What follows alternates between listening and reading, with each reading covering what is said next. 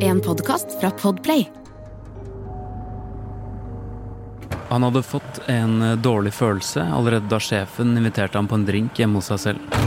Men siden han ikke ville miste jobboppdrag, hadde han takket ja. Nå er han fremme ved murhuset og den store hagen, hvor sjefen, John Wayne Gacy, visstnok holdt nabolagets beste sommerfester.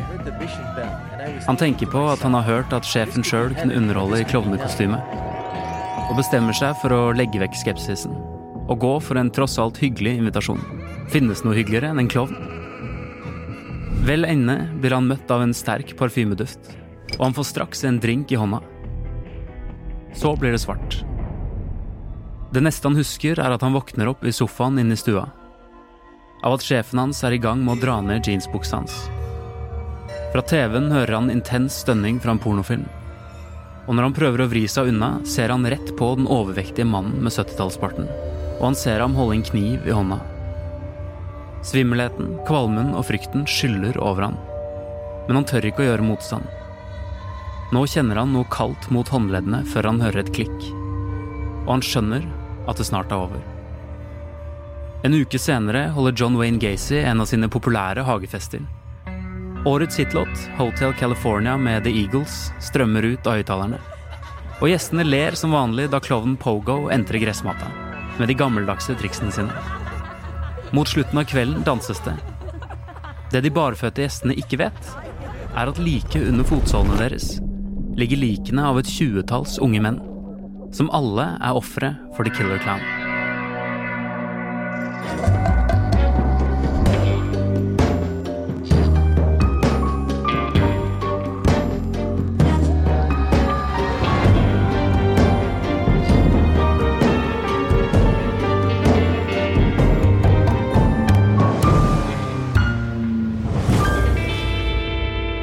Velkommen til dagens episode av På innsiden av Psykohoder med meg, Jonas Hoff Oftebro, og deg, Susanne Nordby Johansen. Hei, Jonas. Hei, du er spesialist i nevropsykologi og voksenpsykologi, og du jobber som rettspsykolog. Ja, Og i dag så skal vi snakke om John Wayne Gacy. Ja, nå har vi en veldig spennende episode foran oss, tenker jeg. For han her, han er litt av en eh, skrue. Ja, og jeg gleder meg til å høre hvordan en fyr som omtales som The Killer Clown, kan ha bli oppfattet som en sånn sjarmerende fyr. Det skjønner jeg ikke. Nei, vi får vel snakke litt om ulike diagnoser og ulike personlighetstrekk etter hvert, som podkasten skrider fram, tror du ikke det? Absolutt. Ja. Men først litt mer om John Wayne Gacy. John Wayne Gacy ble født i 1942 i Chicago, USA, og vokste opp som dritten i midten med en søster på hver side. Han var nær både moren og søstrene, men forholdet med faren var preget av vold og fornedrelse. Og John fikk stadig høre at han var en dum, udugelig mammagutt som oppførte seg som en jente. John var utilpass med andre barn, og ble mobbet fordi han var liten og rund, og i tillegg måtte han ta det mye med ro pga. en medfødt hjertefeil. Rundt tiårsalder skal han begynt å få plutselige blackouts, uten at legen fant ut hva det var. Og John påsto at han hadde disse også i voksen alder. Etter high school ble John aktiv i politikken, og han jobbet seg etter hvert opp som en suksessfull figur i ledertreningsprogrammet JCs, hvor han ble spådd en lysende karriere. På denne tiden giftet han seg med kjæresten Marilyn Myers, som han fikk to barn med. Men samtidig begynte han å søke seksuell omgang med menn. I 1968, da han var 26 år, ble han dømt til fengsel for å ha overfalt en ung gutt på groteskt vis. Og da han slapp ut etter 18 måneder, flyttet han inn i et eget hus i Chicago, hvor han annet holdt populære sommerfester for nabolaget. Og hans nye kone og hennes to barn flyttet inn. Som sidegeskjeft tok han oppdrag som klovn i barneselskap, noe som er grunnen til at han senere ble kalt The Killer Clown.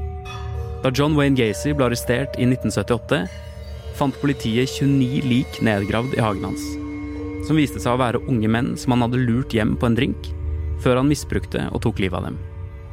Drapene skjedde i perioden 1972 til 1978, og han tilsto til slutt 33 drap. Dommen lød på 12 dødsstraffer og 21 livstidsstraffer, og i 1994 ble han henrettet med dødelig injeksjon. I dag er det bygget et nytt hus på eiendommen til Gacy.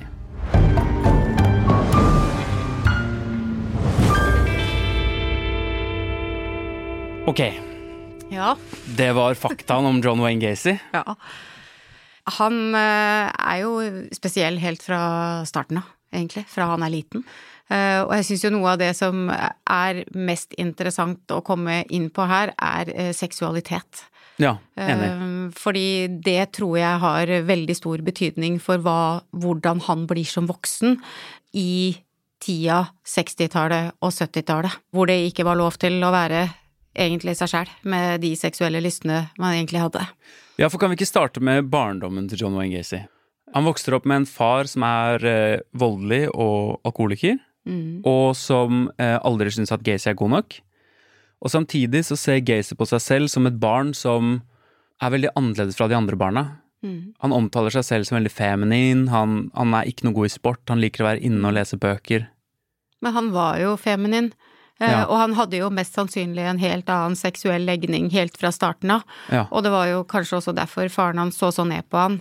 Skulle jo ikke være homofil på den tida, eh, det gikk jo ikke an. Både på 60-, 70- og 80-tallet så var jo homofili en diagnose. Altså det var jo en sykdom, en psykisk sykdom som vi kunne behandle.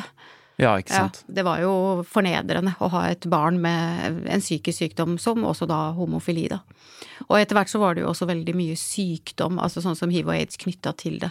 Så det var jo eh, samfunnsmessig ikke akseptert i det hele tatt.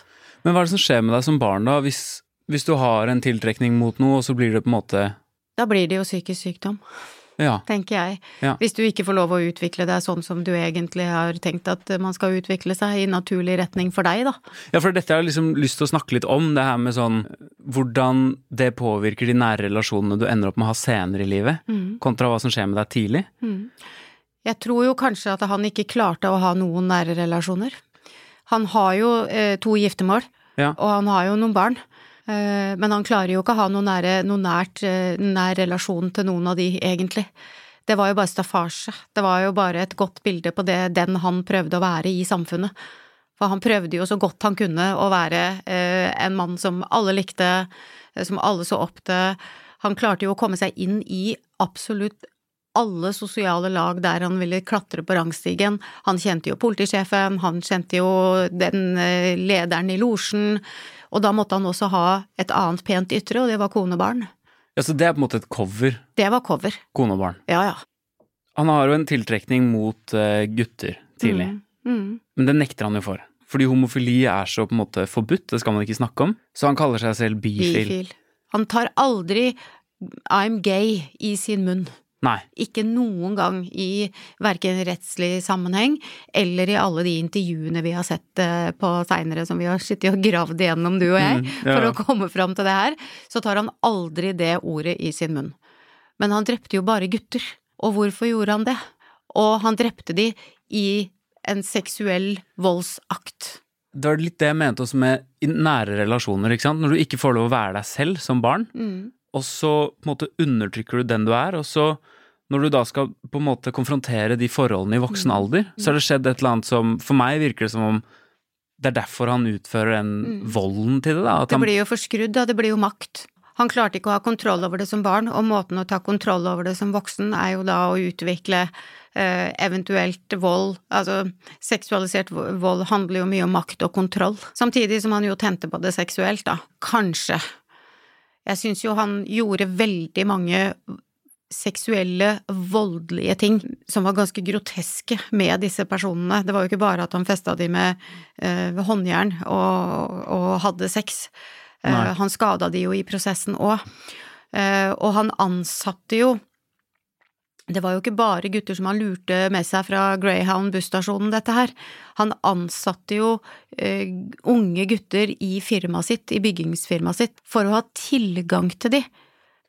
Eh, så da har, har han jo på en måte hatt en, et eller annet maktforhold til disse guttene over tid, før det bikker over til å bli seksualisert vold. ja, fordi før han eh, dreper, Mm. så begynner han jo liksom Det finnes en dokumentar om det her som ligger på Netflix, hvor det er et offer som prater om et overgrep som han ble utsatt for av Gacy Mm, i ung stemmer. alder. Mm. Og da starter det jo med at han snakker om at de sto nede og spilte biljard, og så prøvde han å få han til å vedde om å gjøre seksuelle ting. Mm. Og når han sa nei til det, så eh, overfalt han han om natten med Ja. kniv. Var det han han brant i ansiktet òg? Var det han som hadde brannsår i ansiktet? Nei, det tror jeg ikke det var. For det, da er det en annen. Ja. Som også da Han var eh, Altså, det, det var jo en stor ting i eh, amerikanske politiet på den tida. De tok ikke homofile seriøst når de anklaga noen eller kom og meldte om overgrep. Nei. Eh, og han ene som jeg hørte på, han mel anmeldte Gacy for seksuelle overgrep. Og det ble jo bare skyvd under teppet, for Gacy var jo en sånn eh, Det kunne jo ikke være noe galt med han, han var jo en viktig mann i samfunnet og kjente alle de viktige personene. Men han ble da intervjua etter at Gacy var tatt. Ja. Eh, og han hadde jo blitt torturert og brent, han hadde blitt smørt inn med noe sånn syre i ansiktet, Ai, ai. så han hadde masse arr i ansiktet.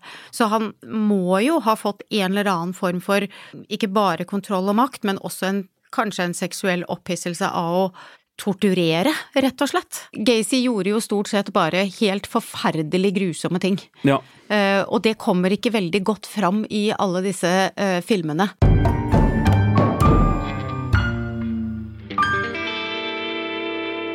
Men um, han blir tatt for et av disse overfallene, og så havner han i fengsel. Mm. Og da er det jo en rettspsykolog i 1968 som eh, sier at han har psykopati. Ja. Han har antisosial personlighetsforstyrrelse og stor gjentakelsesfare. Han blir dømt til ti år i fengsel, som er veldig strengt for det overgrepet han har gjort. Ja, for det var, det var sadomi, og det er jo egentlig bare altså, lette seksuelle overgrep. Ja. Det er ikke alvorlige seksuelle overgrep hvis du tenker på oversettelsen. Nei. Så at han fikk ti år, det tror jeg han fikk på grunn av den rettspsykiatriske vurderinga.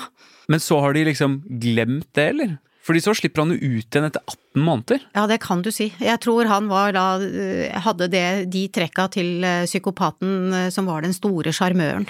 Og klarte å innynde seg overalt. Men han fikk jo egentlig ikke fengsel heller, det må vi jo ikke glemme å si. Det var jo en sånn reformeringsanstalt, Ja. så han satt jo ikke i et ordinært fengsel. Eh, Og en av de tinga han faktisk klarte å gjøre mens han var der i de 18 månedene, det var å sørge for at det ble anlagt golfbane i bakgården til denne reformeringsanstalten. Hva snakker vi? Og det klarte han jo å få til fordi at han hadde egentlig kontakter i omgivelsene som var i litt høyere posisjoner. Ja. Så de anla en svær golfbane, og det fikk de bare penger til, fordi John Wayne Gacy, og da ville at de, de fangene, eller fangene, de som skulle reformeres, da. Så han ble jo da kalt for Man of the Year i denne reformeringsanstalten. Men hva er det med de her psykopatene som gjør at de på en måte klarer å få til så mye Men du blir sjarmert. Men Du hvorfor er de så sjarmerende? Du klarer er ikke å se bak det, den ondskapen. Du klarer ikke å se bak manipulasjonen. Men hva er det som gjør at de er så velfungerende ved å være psykopater? Hvordan får de Jo, til for de klarer å manipulere deg så godt at du tror det sjøl. Men de manipulerer alle, da. Ja. De går gjennom verden og har totalt kontroll på det de gjør. Ja. Ja. Så det kommer egentlig ingenting ut av munnen som ikke handler om at de sjøl skal ha en, en eller annen form for gevinst ut av det de gjør. Og gevinsten for han, når han holder på på den måten i de 18 månedene, hva er det? Han ut, slipper ut. Ja. Ergo er han vanvittig sjarmerende og flink til å prate for seg. Og flink til å prate, det er han. Veldig, veldig flink til å ordlegge seg. Og fordi det er jo en stor del av på en måte, hans eh, MO er jo at han har så mye cover rundt seg at han er vanskelig å angripe. Når han kommer ut av fengsel, så får han seg jo en ny kone som har to barn. Han flytter også til en annen by, da. Ja, det er sant. Sånn at det, det gir han muligheten til å starte også. på nytt. Det hjelper veldig bra. Ny by, Mm. ny familie. Han begynner å holde store hagefester. Han Mm. lager et entreprenørfirma og begynner å holde store hagefester for politikere og melder seg inn i Det demokratiske partiet. Og... Og i tillegg så klarte han å klatre i en sånn uh, gutteklubb. Sånn frimurerlosjeaktig. Ja. Og stort sett alle som hørte til i de høyere sosiale laga, var en del av det eh, på 70-tallet.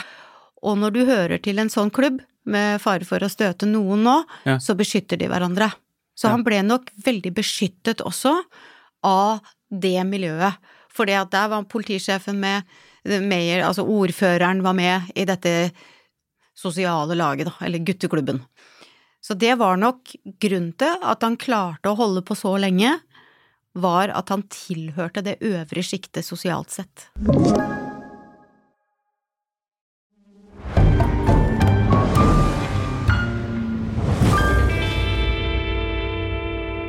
Vi skal begynne å snakke om vendepunktet hans, da, fra å gå til måte, seksuelle overgrep til seksuelle drap. Mm. Så sier han selv og det er vanskelig å vite om det er sant eller ikke, fordi han lyver så mye. Ja, han lyver hele tida. Men han sier jo selv at det første drapet hans, det kom fordi han, han har tatt med en fyr hjem som har vist seg å være gæren, Mm. og så har han snubla og falt på sin egen kniv, og så har Gacy for å være snill gravd han ned liksom under der han bor. Det tror du? Too bad. Nei, dette er det Gacy Dette er Ja, jeg tror Gacy prøver Det, å si. du tror ikke noe på det, du? Nei, det gjør jeg ikke. Nei, det gjør ikke jeg heller. Jeg tror jo at han er uh, megapsykopat.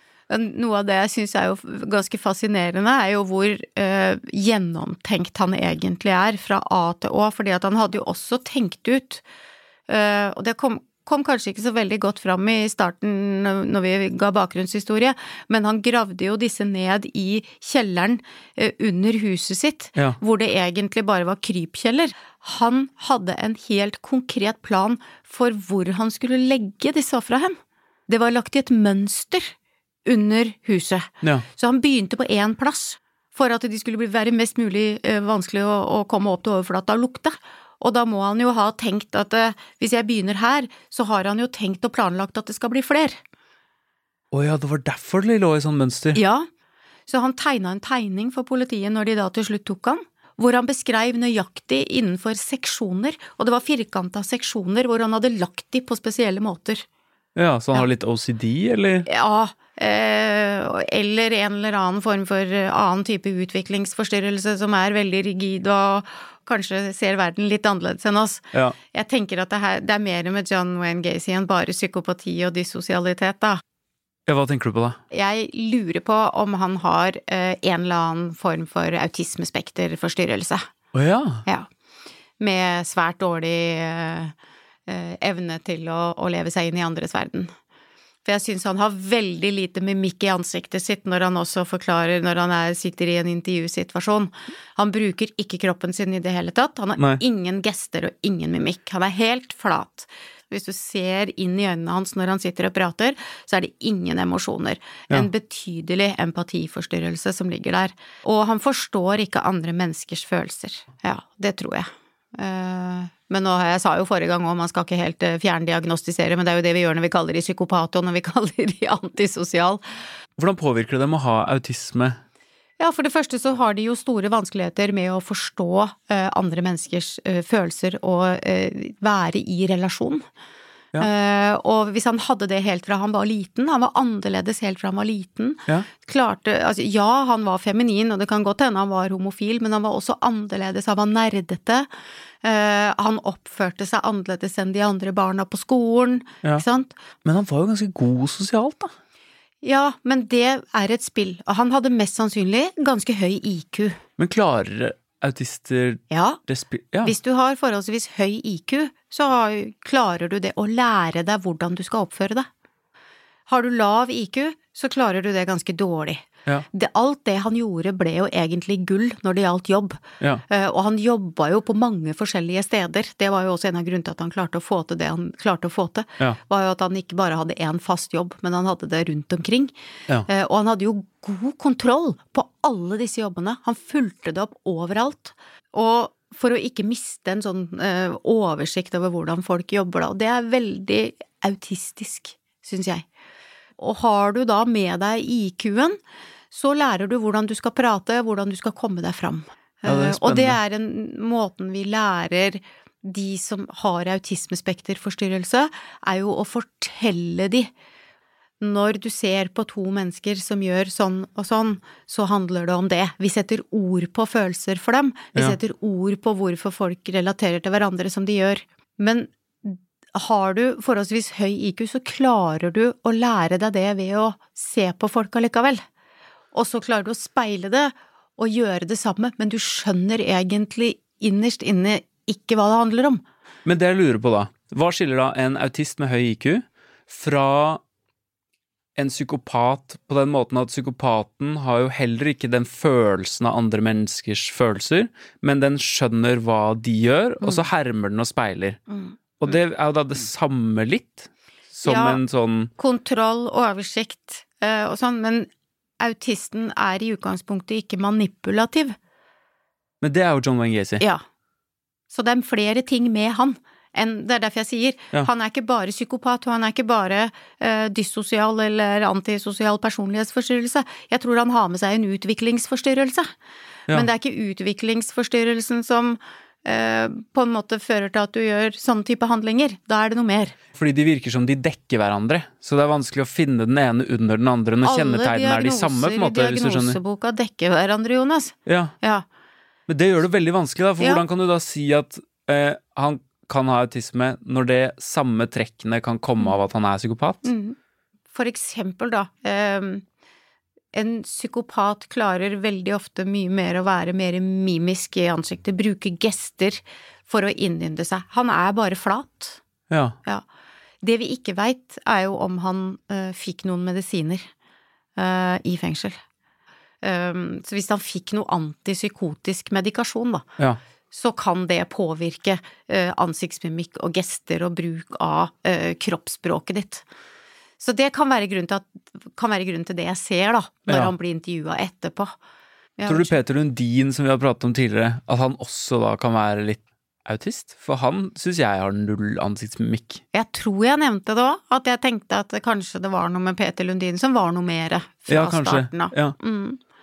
Men, men det betyr jo langt ifra at eh, de som får en autismespekterforstyrrelse, går hen og gjør sånn som Ja, ja, John. Wayne Gacy eller Peter Lundin. Ja, ja, Det må jo være Absolutt. absolutt, ikke. Det Men det kan jo skje noen ting i utviklinga di eh, når du har et annet utgangspunkt, for eksempel da en autismespekter, på hvordan du da forstår og hvordan du da er i driven din eh, som person.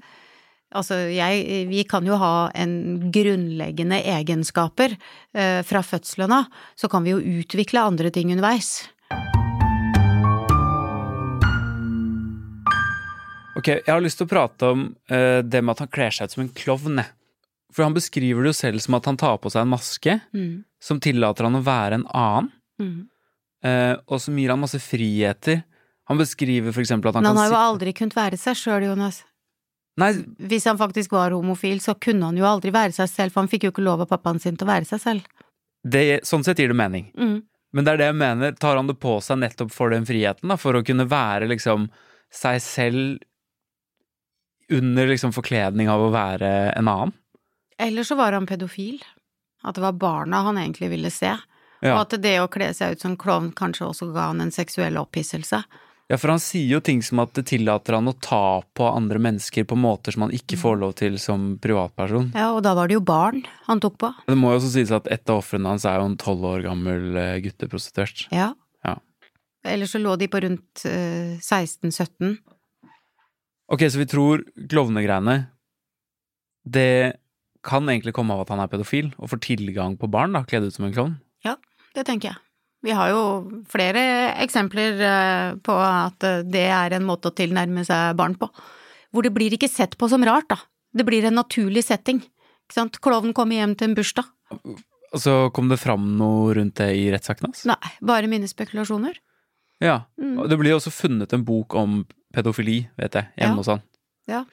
Eh, og, og da tenker jeg jo at uh, han må jo ha hatt e- en eller annen form for interesse, i hvert fall, i den retninga. Ja.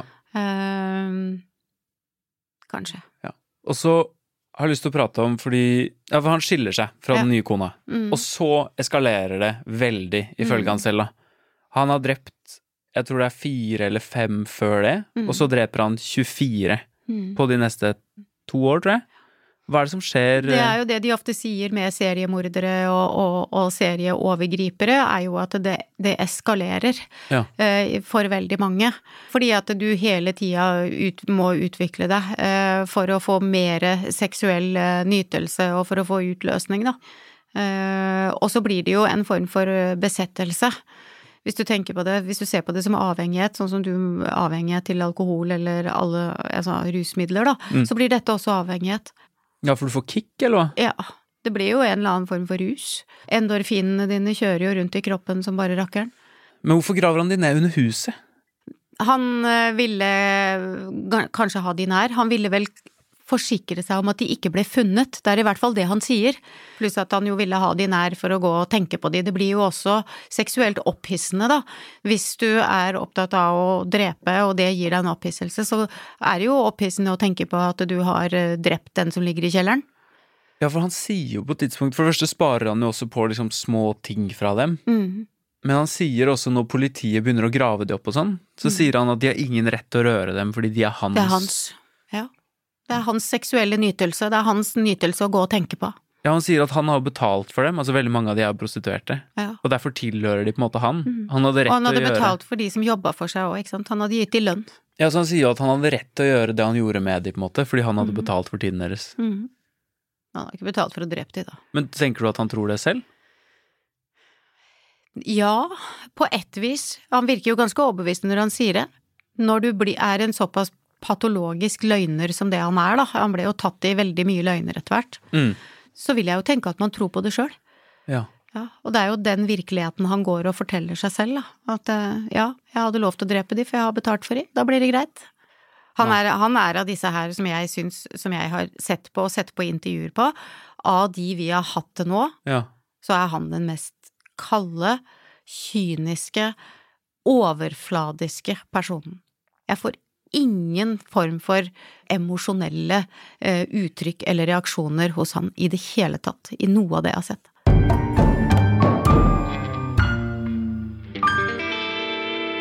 Vi må snakke litt om det siste drapet han gjør som fører til at han blir tatt, som er på Robert Peast. Mm. Som er en uh, ung gutt uh, som er godt likt av familien sin og blant vennene sine og på skolen. Som uh, jobber på et apotek.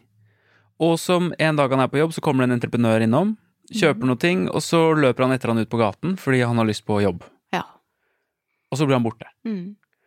Um, og så finner de jo hjemme hos John Wayne Gacy, når de får ransake huset hans, så finner de en eh, lapp for å fremkalle film, Mm. som de kan bevise at matcher perfekt med en annen lapp Mm. som Robert Peast har brukt da, for å fremkalle film, og som har ligget i Mm. jakka hans. Eller i jakka til uh, venninna, egentlig. For det var eh, en eh, arbeidskollega som Ja. eh, det, det er egentlig hun som hadde lagt den lappen i den lomma.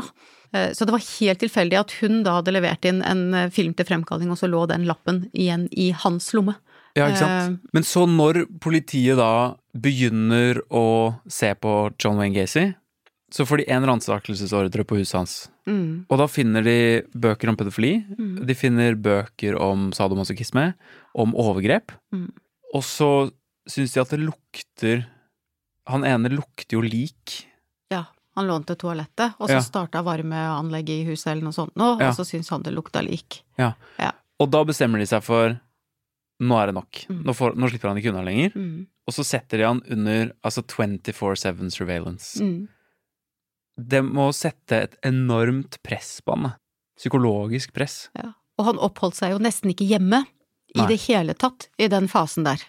Han var jo bare ute på veien og i bilen sin. Ja. Og det gjorde han jo for å slippe at de ikke skulle gjøre noe i huset hans. Ja, selvfølgelig burde ringt en bjelle. Ja, det burde ringt en bjelle.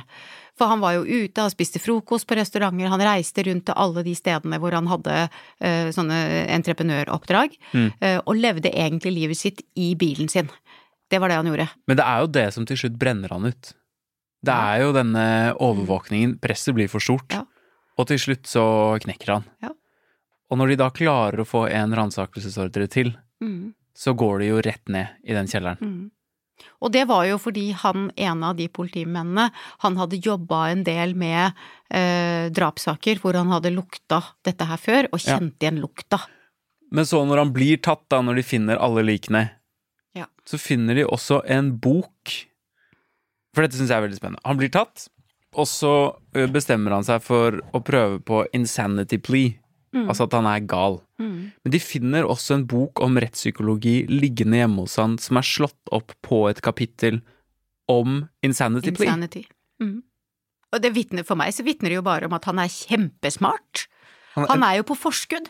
Ja. Han regner jo med at på et eller annet tidspunkt så vil dette her blåse opp. Ja, ja. Det vil komme for en dag, og da må jeg være forberedt. Ja. Og da har han selvfølgelig forberedt seg på både blackouts fra barndommen, kjenner sin egen barndom, eh, ikke sant, og han har lest seg opp. Han vet hva han skal si. ja, det er gjennomtenkt. Veldig gjennomtenkt. Og det er jo det den rettspsykiateren sa allerede i 1968, at dette er en farlig mann. Han er alvorlig psykopat, han er antisosial eller dyssosial, Og det er stor gjentagelsesfare, og det slår jo så til de grader til. De unnskyldningene, det er bare tull. Det er bare tull. Det er bare svada. Bare svada for å komme seg unna. Men da lurer jeg på Det var en rettspsykolog som eh, som skulle snakke om John Wayne Gacy, og som jeg tror forsvaret til Gacy brukte som en sånn argument for insanity plea.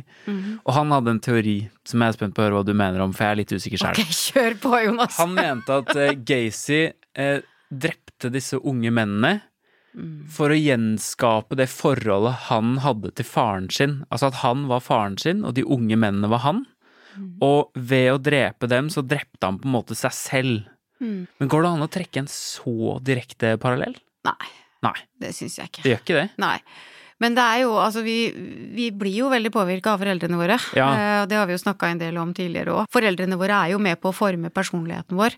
100 Eh, og hvis du har svært dårlige opplevelser med eh, foreldrene dine, så blir jo kanskje en del av den atferden du har ute av de voksne alder, et forsøk på å dempe følelser som du hadde hvis det har vært veldig traumatisk. Ja. Eh, så er mye eh, Altså hvis du får psykisk sykdom, da, så får du, har du en sånn unngåelsesatferd. At du da ikke vil være i situasjoner som trigger hukommelse og trigger følelser. Mm. Eh, eller så kan du si at du gjør sånn som, eh, som John Wayne Gacy gjorde. Eh, at han da utøver den volden for å prøve å få flytta på de følelsene i seg sjøl. Ja. Ja, og tenker at det, jo flere ganger jeg gjør det her, så blir alle de bitene av meg som pappaen min har ødelagt, de blir borte. Men hvor bevisst er man på det? Eller er det underbevisst? Det tror jeg er en underbevisst eh, ting. Ja. Eh, men hvis han var så intelligent, da, så kan han jo ha hatt en eller annen tanke med det. At dette er en måte å få skyvd unna de følelsene på. Men det hjalp han jo ikke stort, da. Han ble jo ikke akkurat frisk av det. Nei, det er jo ikke det hele tatt. Nei. Det blir jo bare verre. Ja. Han var kanskje ikke frisk, men jeg tror han var strafferettslig tilregnelig, da. Ja, han var det. Ja, det tror jeg. Ja. Ja. Eh, Det er ingen tegn på, på alvorlig sinnslidelse, sånn som vi snakka om i forrige podkasten med, med psykoselidelse hos John Wayne Gacy. Nei. Ingenting. Nei. Og det er jo for så vidt det eneste som, eh, som kanskje gjør at du blir fritatt for noe, da.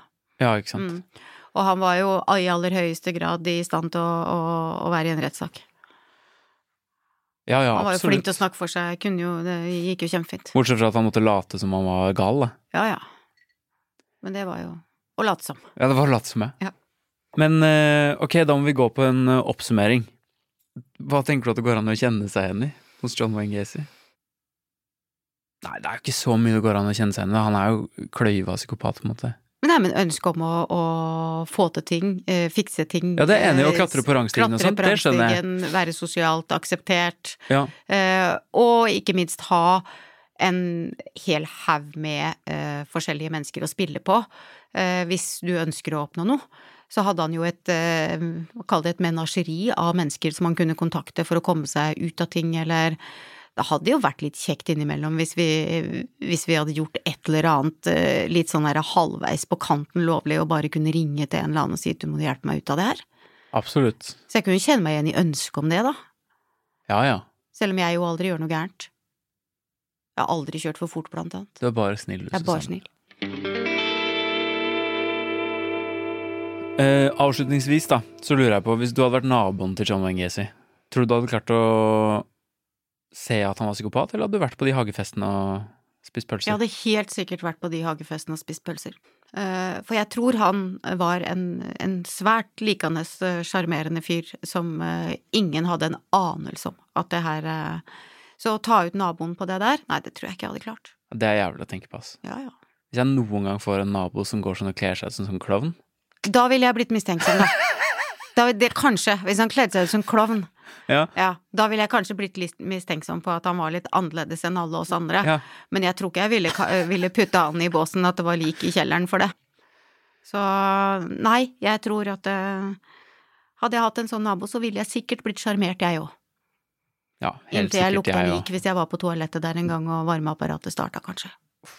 Ja. Du bare tenkte at det er de pølsene, vet du. Rart, Det kunne sånn. hende. Det er sånn rart pølse her inne. Jeg skjønner ikke hva det er for noe. Det jeg tror med John Gacy, er at han lever i en tid hvor han får muligheten til å gjøre det han gjør, på en måte som ikke er så eh, vanlig lenger. Fordi homofili var så på en måte sett ned på, Mm. og fordi de tok det ikke seriøst, disse unge guttene som forsvant og rømte hjemmefra, fordi de Mm. trodde det hadde med legning å gjøre.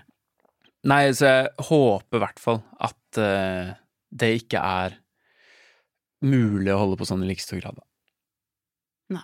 Det er altfor åpen. Det, er- det er altfor lett å få tak i folk i dag sammenligna med før.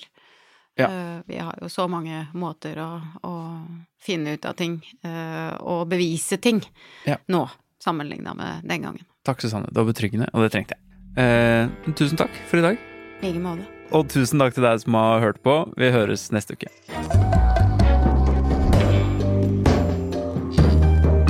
Jeg lurer på om vi kommer til å bli gærne og snakke om så mange folk som dreper Ja, folk det så lurer mye. jeg jo på til slutt, eller hvor, eh, om, om vi da blir helt sånn der følelsesløse Og så får begge sånn to. undertrykker det vonde. Og sånn. Ja. Eller lærer oss en del teknikker for å skjule hvordan vi egentlig er, og hva vi skal gjøre på veien.